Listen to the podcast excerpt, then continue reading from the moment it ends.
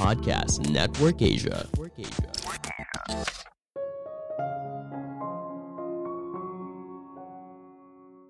Belajar hal baru bukan hanya mendukung kamu untuk sukses, tapi penting untuk bertahan hidup. Halo semuanya, nama saya Michael. Selamat datang di podcast saya, Sikutu Buku.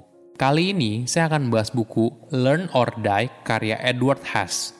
Sebelum kita mulai, buat kalian yang mau support podcast ini agar terus berkarya, caranya gampang banget.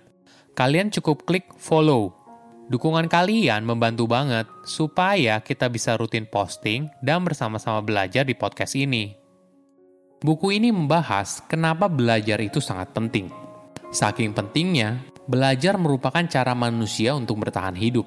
Coba bayangkan saat kecil, apabila kita tidak punya dorongan untuk belajar berbicara, berjalan, atau berlari, tentunya kita tidak mungkin bisa mandiri dan bertahan hidup. Sama halnya dengan peradaban manusia Ketika manusia purba berhenti belajar, tentunya kita tidak bisa menikmati hidup seperti sekarang. Peradaban manusia sudah punah sejak lama. Di era sekarang, kebanyakan orang berhenti belajar ketika mereka lulus dari dunia pendidikan. Tentu saja, mereka tahu kalau mau sukses, maka mereka harus bersedia untuk belajar. Namun sayangnya, tidak semua orang bersedia untuk belajar. Saya merangkumnya menjadi tiga hal penting dari buku ini. Pertama, belajar itu penting untuk bertahan hidup. Jika manusia primitif menolak untuk belajar, kita mungkin sudah punah sejak lama. Bayangkan saja apa yang akan terjadi jika kita terus bermain api setelah terbakar atau mencoba bermain dengan hewan berbahaya seperti serigala dan mamut berbulu. Tentu saja manusia akan berumur sangat pendek. Untungnya kita tidak melakukan hal itu. Sebaliknya, kita belajar dari kesalahan kita berhasil mengidentifikasikan sebuah masalah dan melindungi diri dari bahaya. Di kemudian hari, kita mampu menciptakan segala hal yang membuat hidup menjadi lebih mudah. Misalnya kita menciptakan bahasa, abjad, dan belajar cara mengekspresikan diri melalui tulisan. Semua hal ini lalu mendorong setiap generasi tumbuh lebih cerdas, lebih baik, dan lebih berkembang dari generasi sebelumnya. Namun penulis menekankan kita perlu bersedia belajar hal baru di luar dari yang sudah kita ketahui. Misalnya seperti ini, saat kita kecil hingga beranjak dewasa, kita menghabiskan belasan tahun pertama hidup kita untuk belajar menyesuaikan diri dengan masyarakat. Misalnya kita belajar untuk diam dan menghormati orang lain ketika mereka berbicara. Kita belajar untuk jangan sok tahu atau menunjukkan kalau kita berpengetahuan dan sebagainya. Dampaknya, kita sering kali tidak berani untuk menyampaikan ide atau pencapaian pribadi di depan orang lain. Hal ini kadang juga bisa merugikan. Tentu saja penting untuk bersikap hormat, tahu kapan harus diam, tapi yang tidak kalah penting, tahu kapan harus bicara. Dengan kata lain, kita harus tahu kapan harus mengikuti arus dan kapan harus berani menantang status quo. Ada fakta yang menarik. Kita sering kali memisahkan antara rational mind dan emotional mind Kenyataannya, berpikir itu tidak mungkin apabila tidak ada sisi emosionalnya. Area di otak kita yang bertanggung jawab untuk perasaan dan logika terhubung satu sama lain atau bahkan saling melengkapi. Misalnya begini, ketika kamu sedang sakit atau stres, pikiran dan kemampuanmu dalam belajar pasti terganggu. Namun bukan berarti kualitas pikiranmu berada di luar kendali. Tidak semua perasaan mengganggu pemikiran Ketika emosi negatif mengaktifkan perilaku untuk mempertahankan diri seperti naluri melawan atau lari, emosi positif meningkatkan proses kognitif melalui pemikiran dan pembelajaran, meningkatkan kesadaran, eksplorasi, dan kreativitas. Jadi, daripada menolak perasaan, lebih baik kamu merangkul emosi yang bisa membantu kamu untuk belajar dengan lebih banyak tersenyum, mengungkapkan rasa syukur, dan merenungkan hal-hal baik dalam hidup dapat memberikan pandangan positif yang memudahkan proses belajar.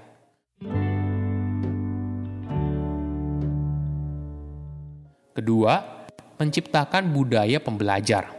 Apakah kamu pernah lihat lowongan kerja yang ditulis seperti ini? Mencari kandidat yang punya motivasi tinggi, bisa langsung bekerja, dan sebagainya.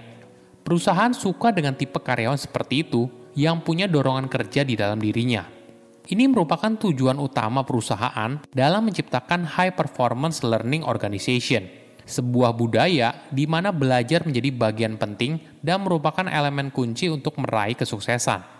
Bukan artinya perusahaan tersebut harus seperti lembaga pendidikan atau mendorong karyawannya untuk baca buku dan sebagainya.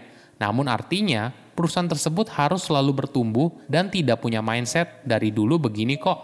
Setiap karyawan di dalam perusahaan harus didorong untuk berani mengutarakan pendapatnya, mengambil resiko, dan mencoba ide baru. Untuk bisa mencapai hal ini, sebuah perusahaan harus bisa merekrut karyawan yang tepat, menciptakan lingkungan yang tepat, dan menciptakan proses yang tepat. Seorang karyawan perlu memiliki kepercayaan atas keahliannya untuk mencapai sesuatu. Mereka harus melihat sebuah masalah sebagai sebuah tantangan dan kesempatan untuk belajar, bukan sebagai suatu hal yang perlu ditakuti. Selain karyawan yang tepat, perusahaan perlu menciptakan budaya kerja yang mendukung karyawannya untuk belajar. Hal ini hanya bisa tercipta ketika karyawan merasa aman. Sebagai contoh, Toyota mendorong karyawannya untuk jujur atas kesalahan yang mereka perbuat Hal ini hanya bisa terjadi apabila karyawan tahu kalau mereka tidak akan dipecat. Terakhir yang cukup penting adalah proses yang tepat. Sayangnya, kita tinggal di dunia di mana seorang akan lebih dihargai ketika memberikan informasi daripada bertanya. Inilah yang membuat setiap orang ingin berbicara karena dianggap lebih pintar daripada orang lain. Namun perlu disadari, percakapan yang baik membutuhkan si pembicara dan si pendengar untuk saling perhatikan.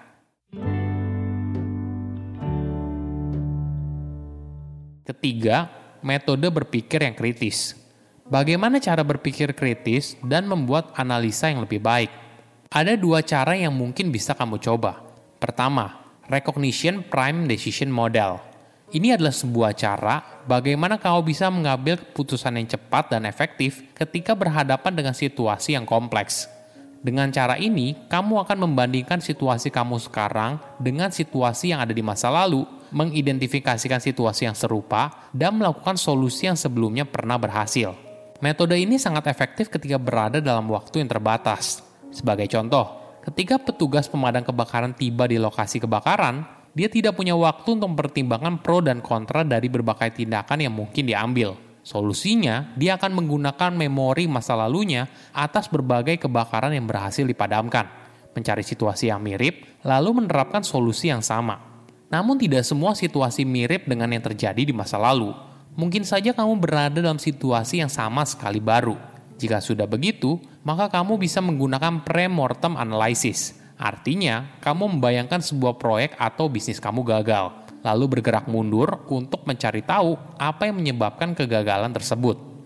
Metode ini sangat penting untuk mencegah sebuah tim terlalu percaya diri tanpa melakukan mitigasi resiko dari berbagai potensi kegagalan yang mungkin muncul. Orang yang bertahan adalah orang yang mampu beradaptasi, terus belajar, dan terus bertumbuh. Belajar jangan dianggap sebagai sebuah paksaan, tapi sebagai bagian penting untuk bertahan hidup. Saya undur diri, jangan lupa follow podcast Sikutu Buku. Bye-bye.